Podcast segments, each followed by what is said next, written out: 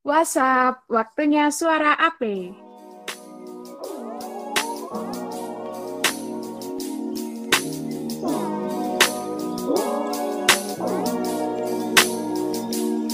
Hai semua, apa kabar nih? Semoga selalu dalam keadaan sehat ya.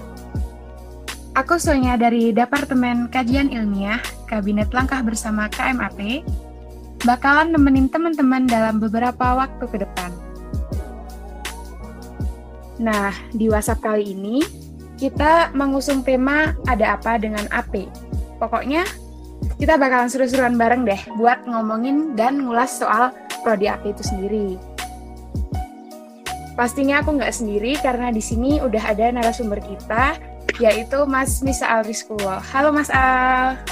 Halo uh, Sonya, teman-teman sekalian. Apa kabar Mas?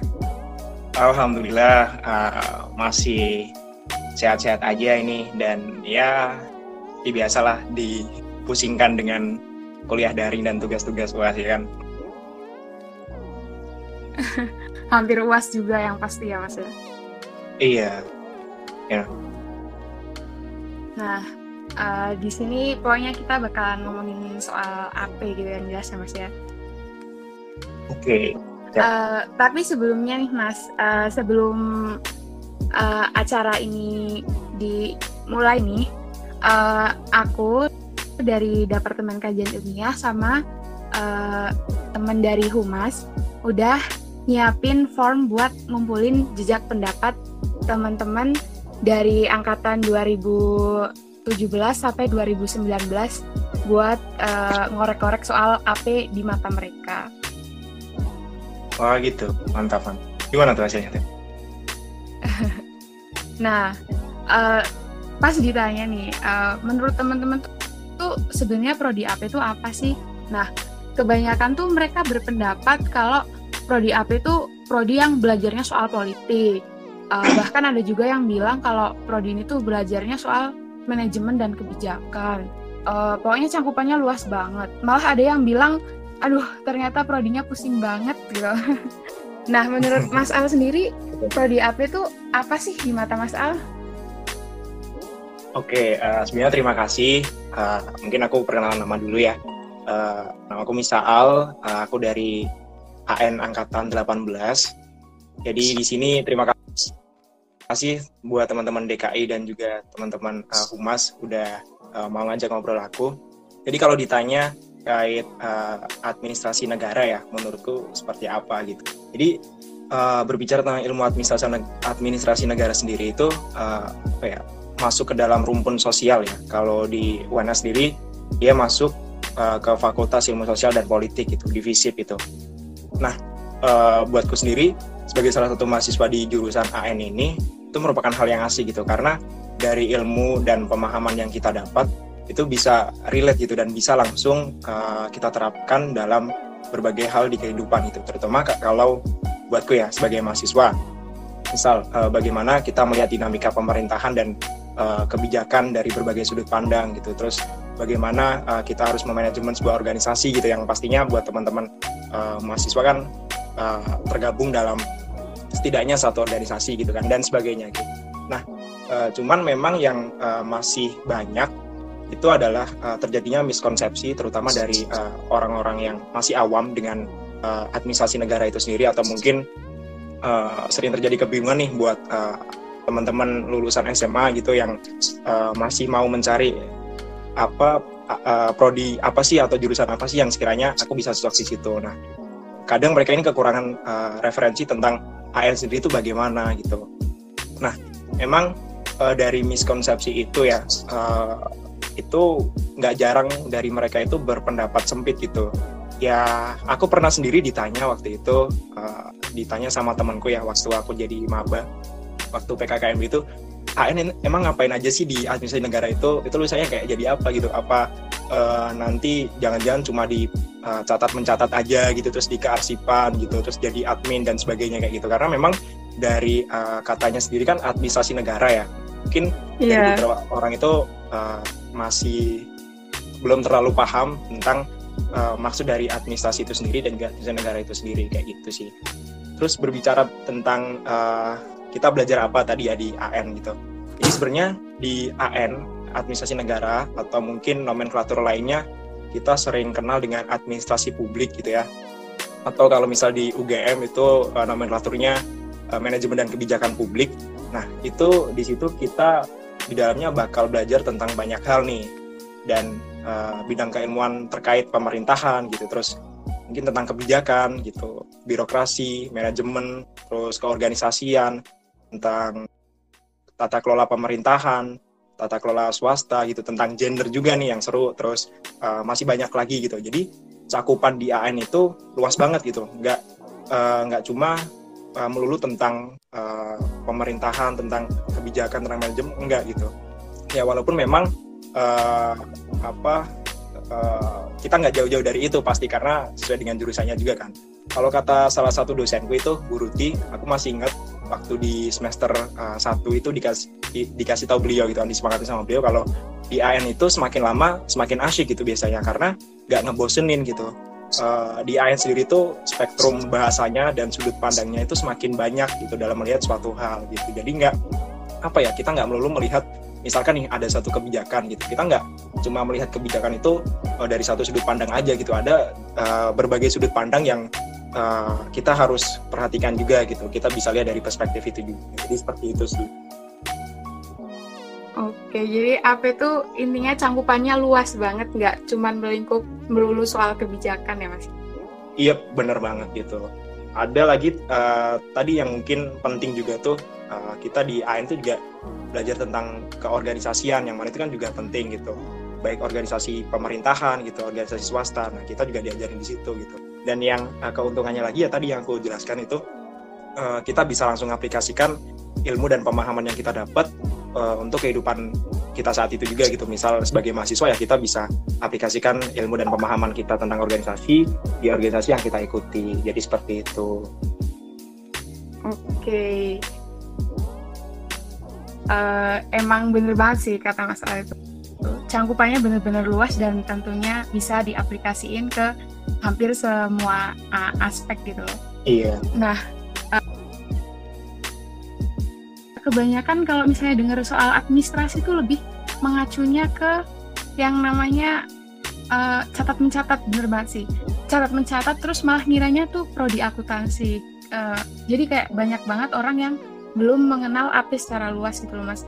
Kira-kira iya. kenapa sih kok orang tuh masih masih berpersepsi kayak AP tuh soalnya tuh masih belajar soal uh, pembukuan gitulah orang tahunya tuh malahan hmm. kayak di prodi ekonomi gitu iya Nah, jadi uh, sebenarnya ada banyak faktor ya. Mungkin uh, salah satunya yang tadi aku sebutkan kurangnya literasi atau mungkin referensi terkait uh, jurusan pro apa uh, prodi AN itu ngapain aja gitu kan tentang apa aja gitu. Karena mereka mungkin hanya mentafsirkan uh, jurusannya itu dari uh, apa uh, kata administrasi gitu di nomenklatur administrasi negara atau administrasi publik itu sendiri gitu. Jadi ya memang uh, apa ya kalau berbicara administrasi ya administrasi itu kan hakikatnya adalah uh, sebuah ilmu atau sebuah studi untuk bagaimana kita bisa mencapai suatu tujuan gitu. Nah dengan uh, administrasi negara atau administrasi publik itu kan bagaimana kita bisa mencapai suatu tujuan uh, dari tujuan publik itu sendiri gitu. Jadinya kayak gitu. Nah di dalamnya ada berbagai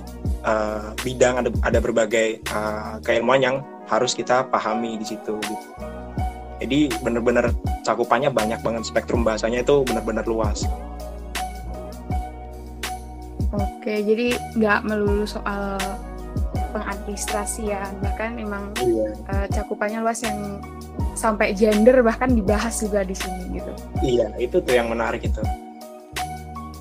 Soalnya juga kalau boleh cerita ya, aku dulu waktu pertama kali uh, dengar apa prodi AN gitu. Kan dulu kan aku belum terlalu minat sama sekali sama uh, kuliah ya. Dulu ya pokoknya masih buta sama kedinasan gitu. Jadi aku kayak bodo amat lah sama uh, kuliah gitu. Pun aku nggak tahu. Nah cuma dulu cita-citaku adalah uh, aku menjadi seorang civil servant gitu sebagai uh, pelayan publik gitu kan sebagai uh, orang di pemerintahan gitu yang nantinya bisa berguna bagi uh, pemerintahan dan birokrasi di Indonesia khusus bisa melayani publik lah gitu. Nah uh, dulu juga pernah ikut les gitu kan ada konsultasi untuk apa kelas 12 yang mau masuk kuliah gitu kan milih prodi milih jurusan. Nah itu aku konsultasi di situ juga mas kira-kira uh, yang 11 12 sama uh, kedinasan yang aku pengen ini apa gitu jurusan apa kayak gitu nah dikasih taunya ini nih kalau kamu uh, tertarik atau minat sama uh, apa pemerintahan dan memang berencana buat berkarir di situ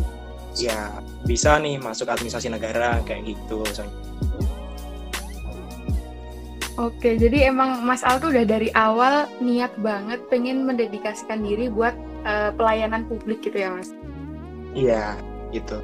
Karena ada itu. beberapa hal juga yang uh, kayak apa ya, aku masih jadi refleksi gitu sampai sekarang kok uh, pelayanan publik uh, yang ngadat gitu kan, yang uh, ribet gitu, yang apa namanya uh, apa berbelit-belit kayak gitu kan juga juga jadi uh, satu perhatian khusus gitu loh bagi gue ada apa sih yang salah kan pasti kayak gitu kan sebuah kesalahan dan pasti bisa dibenerin kayak gitu itu uh, aku pengen jadi bagian dari salah satu orang gitu kan jadi salah satu entitas yang bisa uh, turut berkontribusi untuk perbaikan apa birokrasi pemerintahan dan sebagainya gitu di negara kita gitu.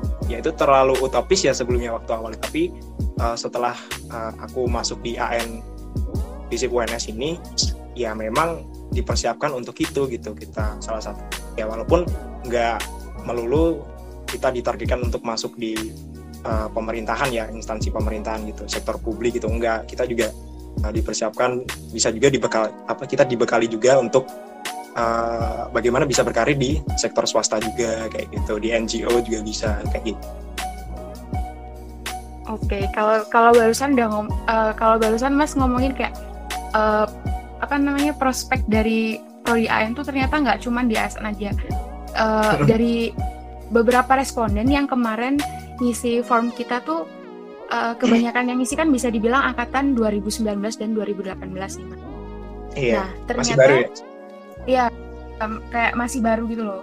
Jadi dari pemikiran temen-temen tuh kayak udah underestimate gitu loh kayak wah nanti aku tuh lulus kayak cuman bisa jadi ASN nih. Apalagi iya. ya selain itu kayak mereka tuh kayak udah menstim menstimulasikan bahwa mereka ujung-ujungnya bakalan jadi PNS gitu, bakal jadi pegawai negeri. Nah, uh, mungkin bisa dikasih pencerahannya nih Mas kayak sektor apa sih sebenarnya yang bisa kita cangkup dan kita tuh bisa uh, kerja ataupun berkarir di bidang apa aja nantinya selain di ASN itu. Oke, jadi kalau bicara tentang prospek kerja dari uh, lulusan administrasi negara atau administrasi publik ini sendiri ya, itu benar soalnya ketika kamu bilang tidak terbatas di sektor pemerintahan. Itu memang benar gitu karena uh, banyak juga uh, lulusan-lulusan dari AN itu yang uh, sekarang berkarir di uh, lembaga atau perusahaan swasta gitu atau mungkin NGO kayak gitu. Tapi memang uh, apa namanya masih banyak yang menargetkan diri untuk berkarir di uh, sektor pemerintahan gitu di instansi pemerintahan ya sebagai PNS atau ASN gitu kan. Nah, terus juga selain itu kita bisa juga uh, kerja di uh, ini nih misalkan yang mau berkarir di politik. Nah, itu juga bisa. Misalkan kita mau uh, mengabdikan diri sebagai wakil rakyat nah kayak gitu jadi anggota dewan kayak gitu itu juga bisa gitu karena uh, apa kita punya bekal ilmu gitu yang kita pelajarin di AN atau AP ini. Nah, terus kemudian bisa juga kita kerja di uh, eh, LSM gitu sebagai aktivis terus bisa juga di NGO gitu. Misalkan NGO internasional itu juga bisa di UNICEF kayak gitu itu juga bisa.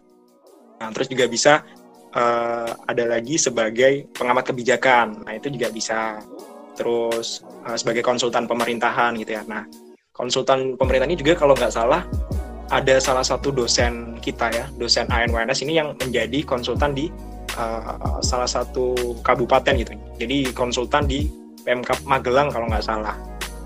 Nah itu, itu ya memang apa ya menjadi konsultan pemerintahan uh, targetnya untuk yang memang mau lanjut gitu studinya karena apa ya memang untuk konsultan ini biasanya itu uh, harus yang kapasitas ilmunya lebih tinggi gitu dari sarjana gitu kan. Karena kredibilitas ilmunya itu juga penting dan dipertaruhkan gitu. Karena resiko-resiko uh, yang mungkin akan didapatkan gitu kan karena apa sebagai orang yang dikonsultasikan terkait pembuatan kebijakan gitu kan itu juga penting gitu dan resikonya besar kayak gitu sih. Jadi mungkin untuk orang-orang yang udah expert aja kayak gitu.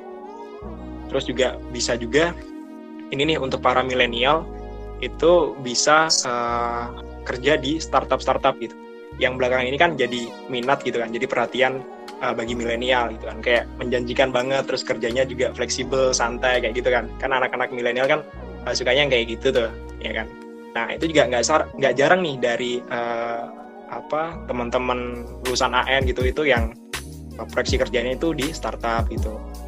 Karena juga di startup ini kan uh, kebanyakan ada bagian khusus gitu kan ada divisi khusus itu yang berhubungan dengan pemerintahan gitu. Jadi uh, sebagai apa ya, public affairs-nya gitu. Jadi memang ada divisi khusus yang berfungsi untuk menghubungkan uh, antara startup itu dengan pemerintah. Seperti itu sih. Nah itu bisa juga dimasukin oleh anak-anak AN jadi apa ya bidang-bidang uh, ilmu yang kita dapat itu luas banget dan kita hampir bisa masuk ke seluruh sektor pekerjaan kayak gitu. Insya Allah kayak gitulah. Ternyata cakupannya luas banget ya mas ya.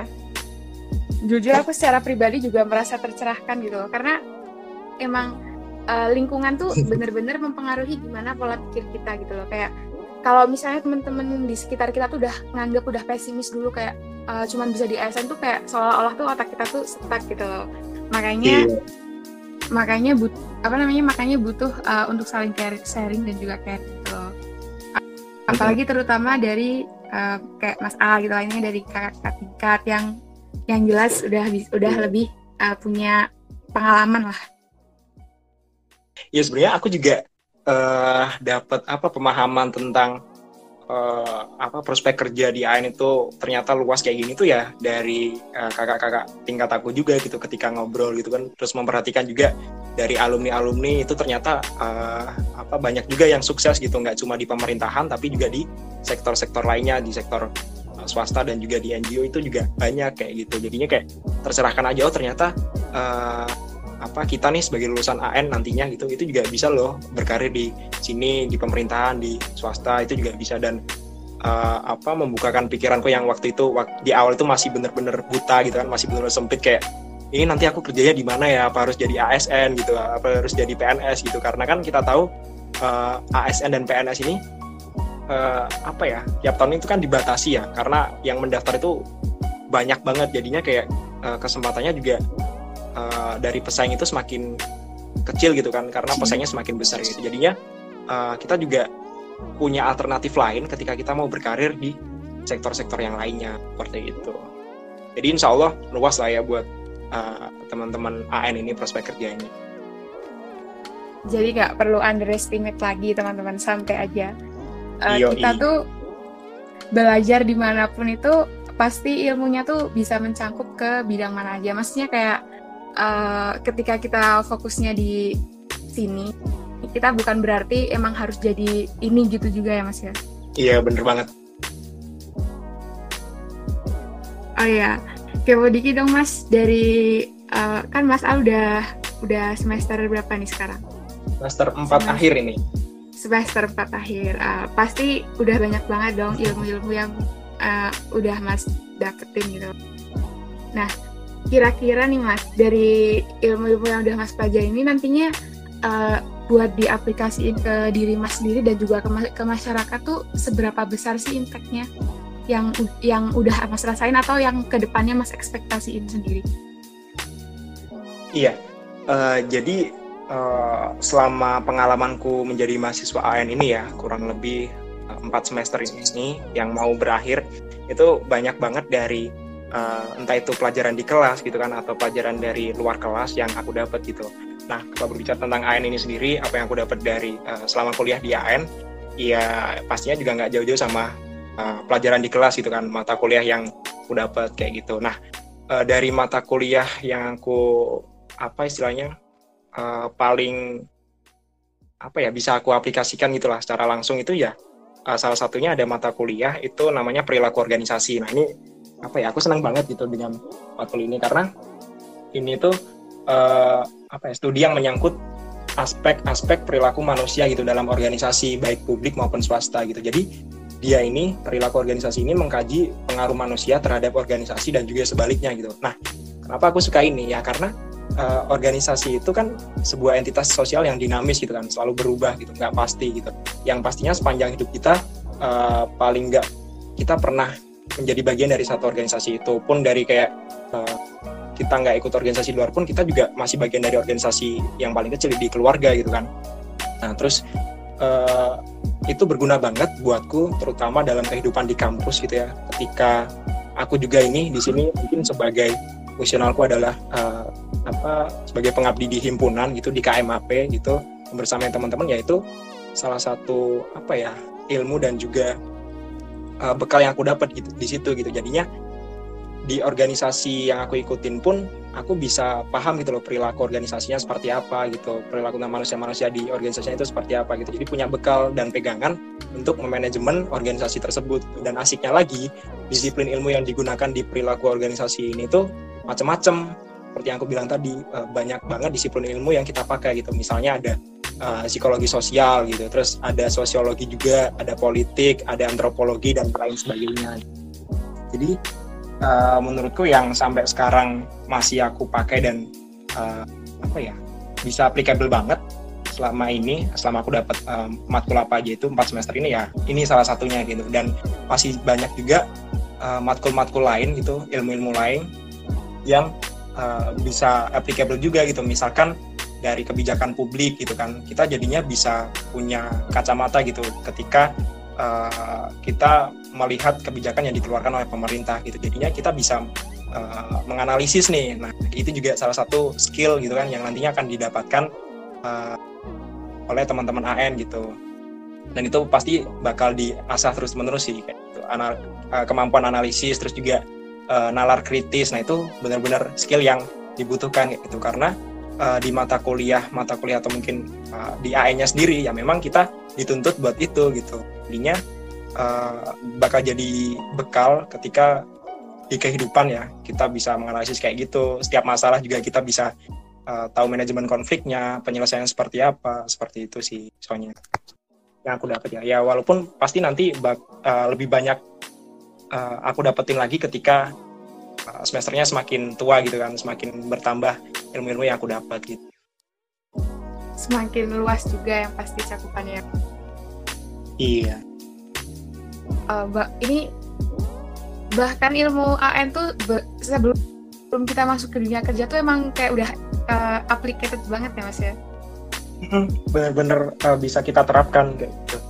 Jadi serunya ya di situ gitu. Kita uh, belajar kita dari kelas dapat ilmu ya bisa langsung kita aplikasikan uh, apa kita bisa langsung kita praktekkan di kehidupan kita uh, aslinya itu di real life kita bisa langsung kita aplikasi seperti itu. Jadi dari situ juga kita bisa uh, apa ya istilahnya ngecek nih apa yang kita pelajari di kelas itu bener nggak sih sama yang di lapangan kayak gitu kan.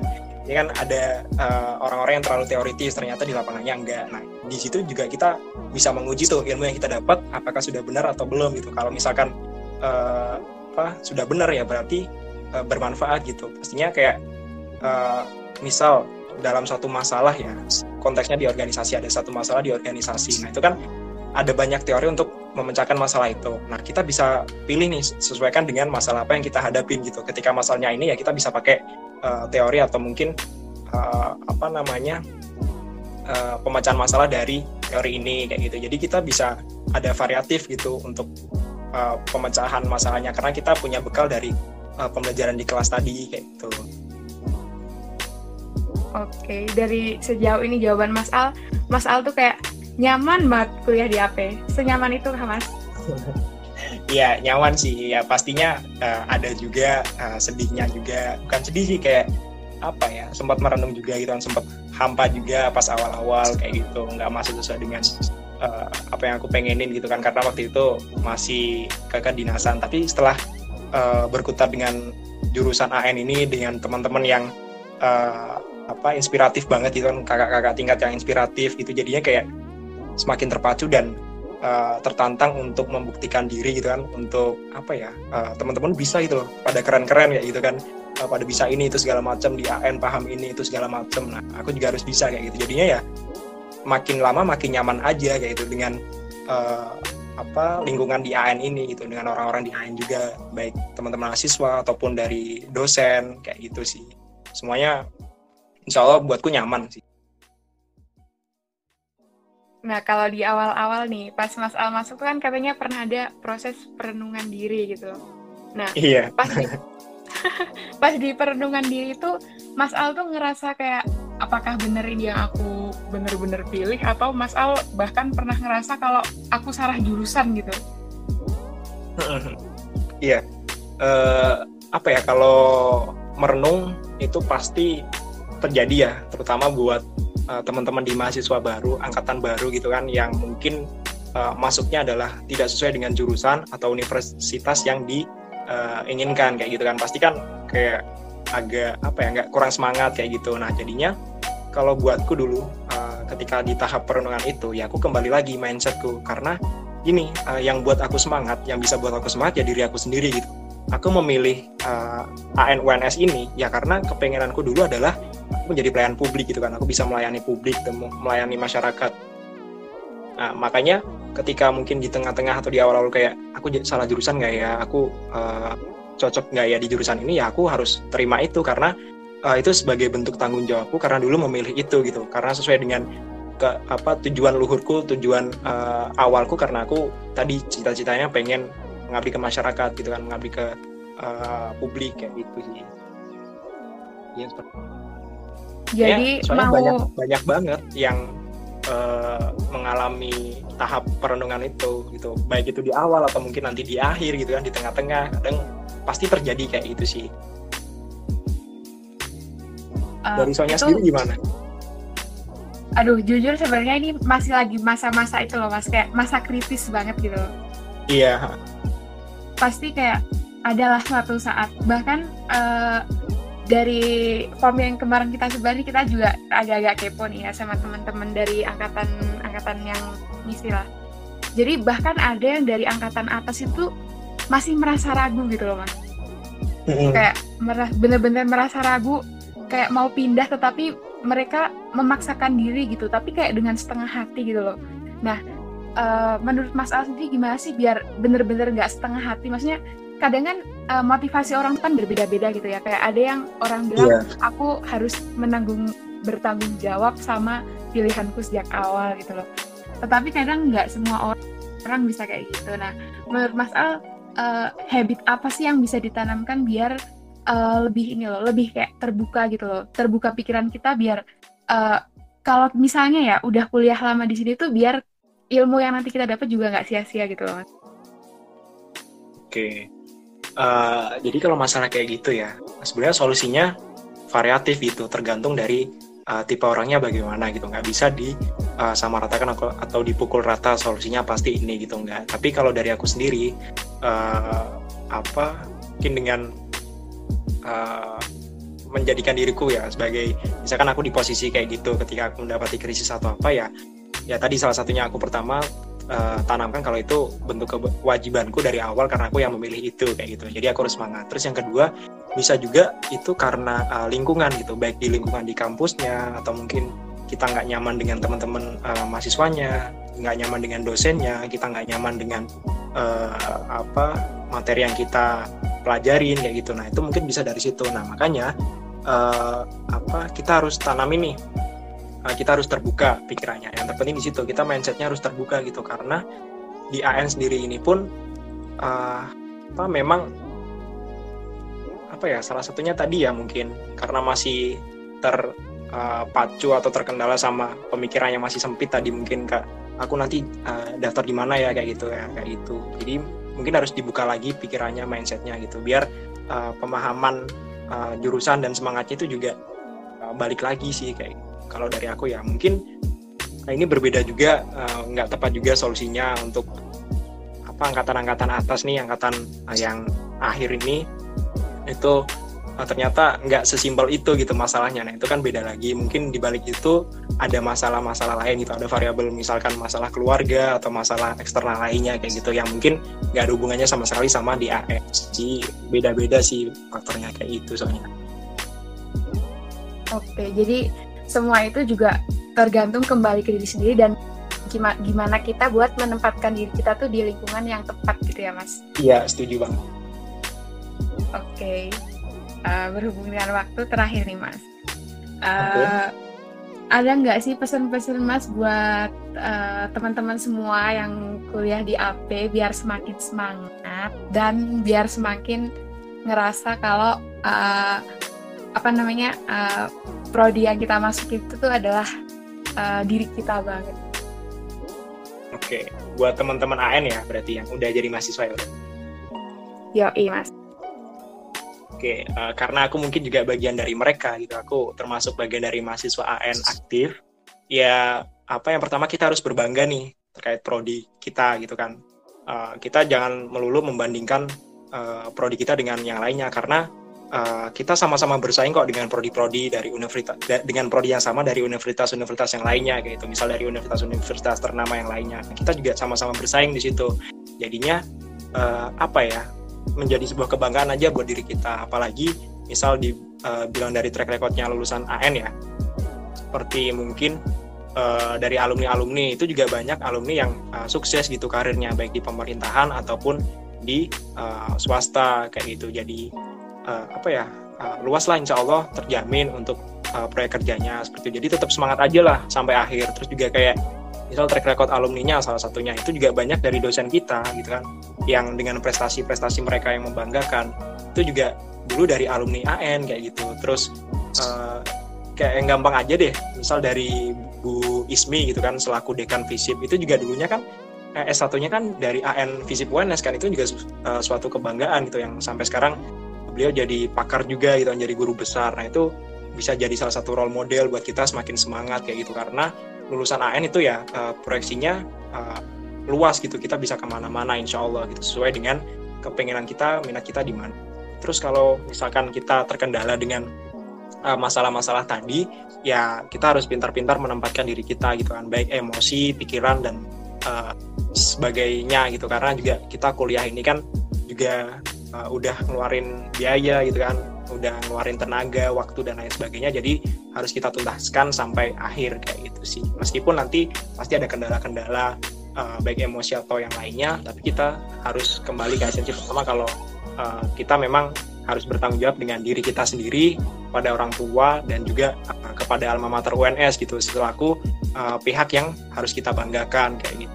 Kita harus bawa namanya uh, apa ya bisa bersaing dengan universitas-universitas yang lainnya kayak itu baik nasional maupun internasional kayak gitu sih jadi harus semangat terus gitu karena uh, selain itu juga uh, tahapan kehidupan di perkuliahan ini ya di umur segini gitu sebagai mahasiswa yeah. itu iya. salah satu tahapan yang menentukan buat hidup kita ke depannya gitu jadi kita mau jadi apa ke depannya itu ya ditentukan salah satunya di UNS ini kita mau uh, berprestasi apa pun uh, kita mau seaktif apa pun gitu kan kita mau membranding atau uh, nge-build diri kita sebagus apa pun ya ditentukan di uh, era kuliah ini kayak gitu kan beda ceritanya kalau misal SD SMP SMA kita mau masih yeah. Iya. uh, main-main kita masih santai-santai itu kan bebas toh karena uh, ke depannya juga masih ada lagi tuh nasa yang terpenting menurutku di kuliah ini sih itu benar-benar momentum yang tepat buat kita mengembangkan diri kita uh, semaksimal mungkin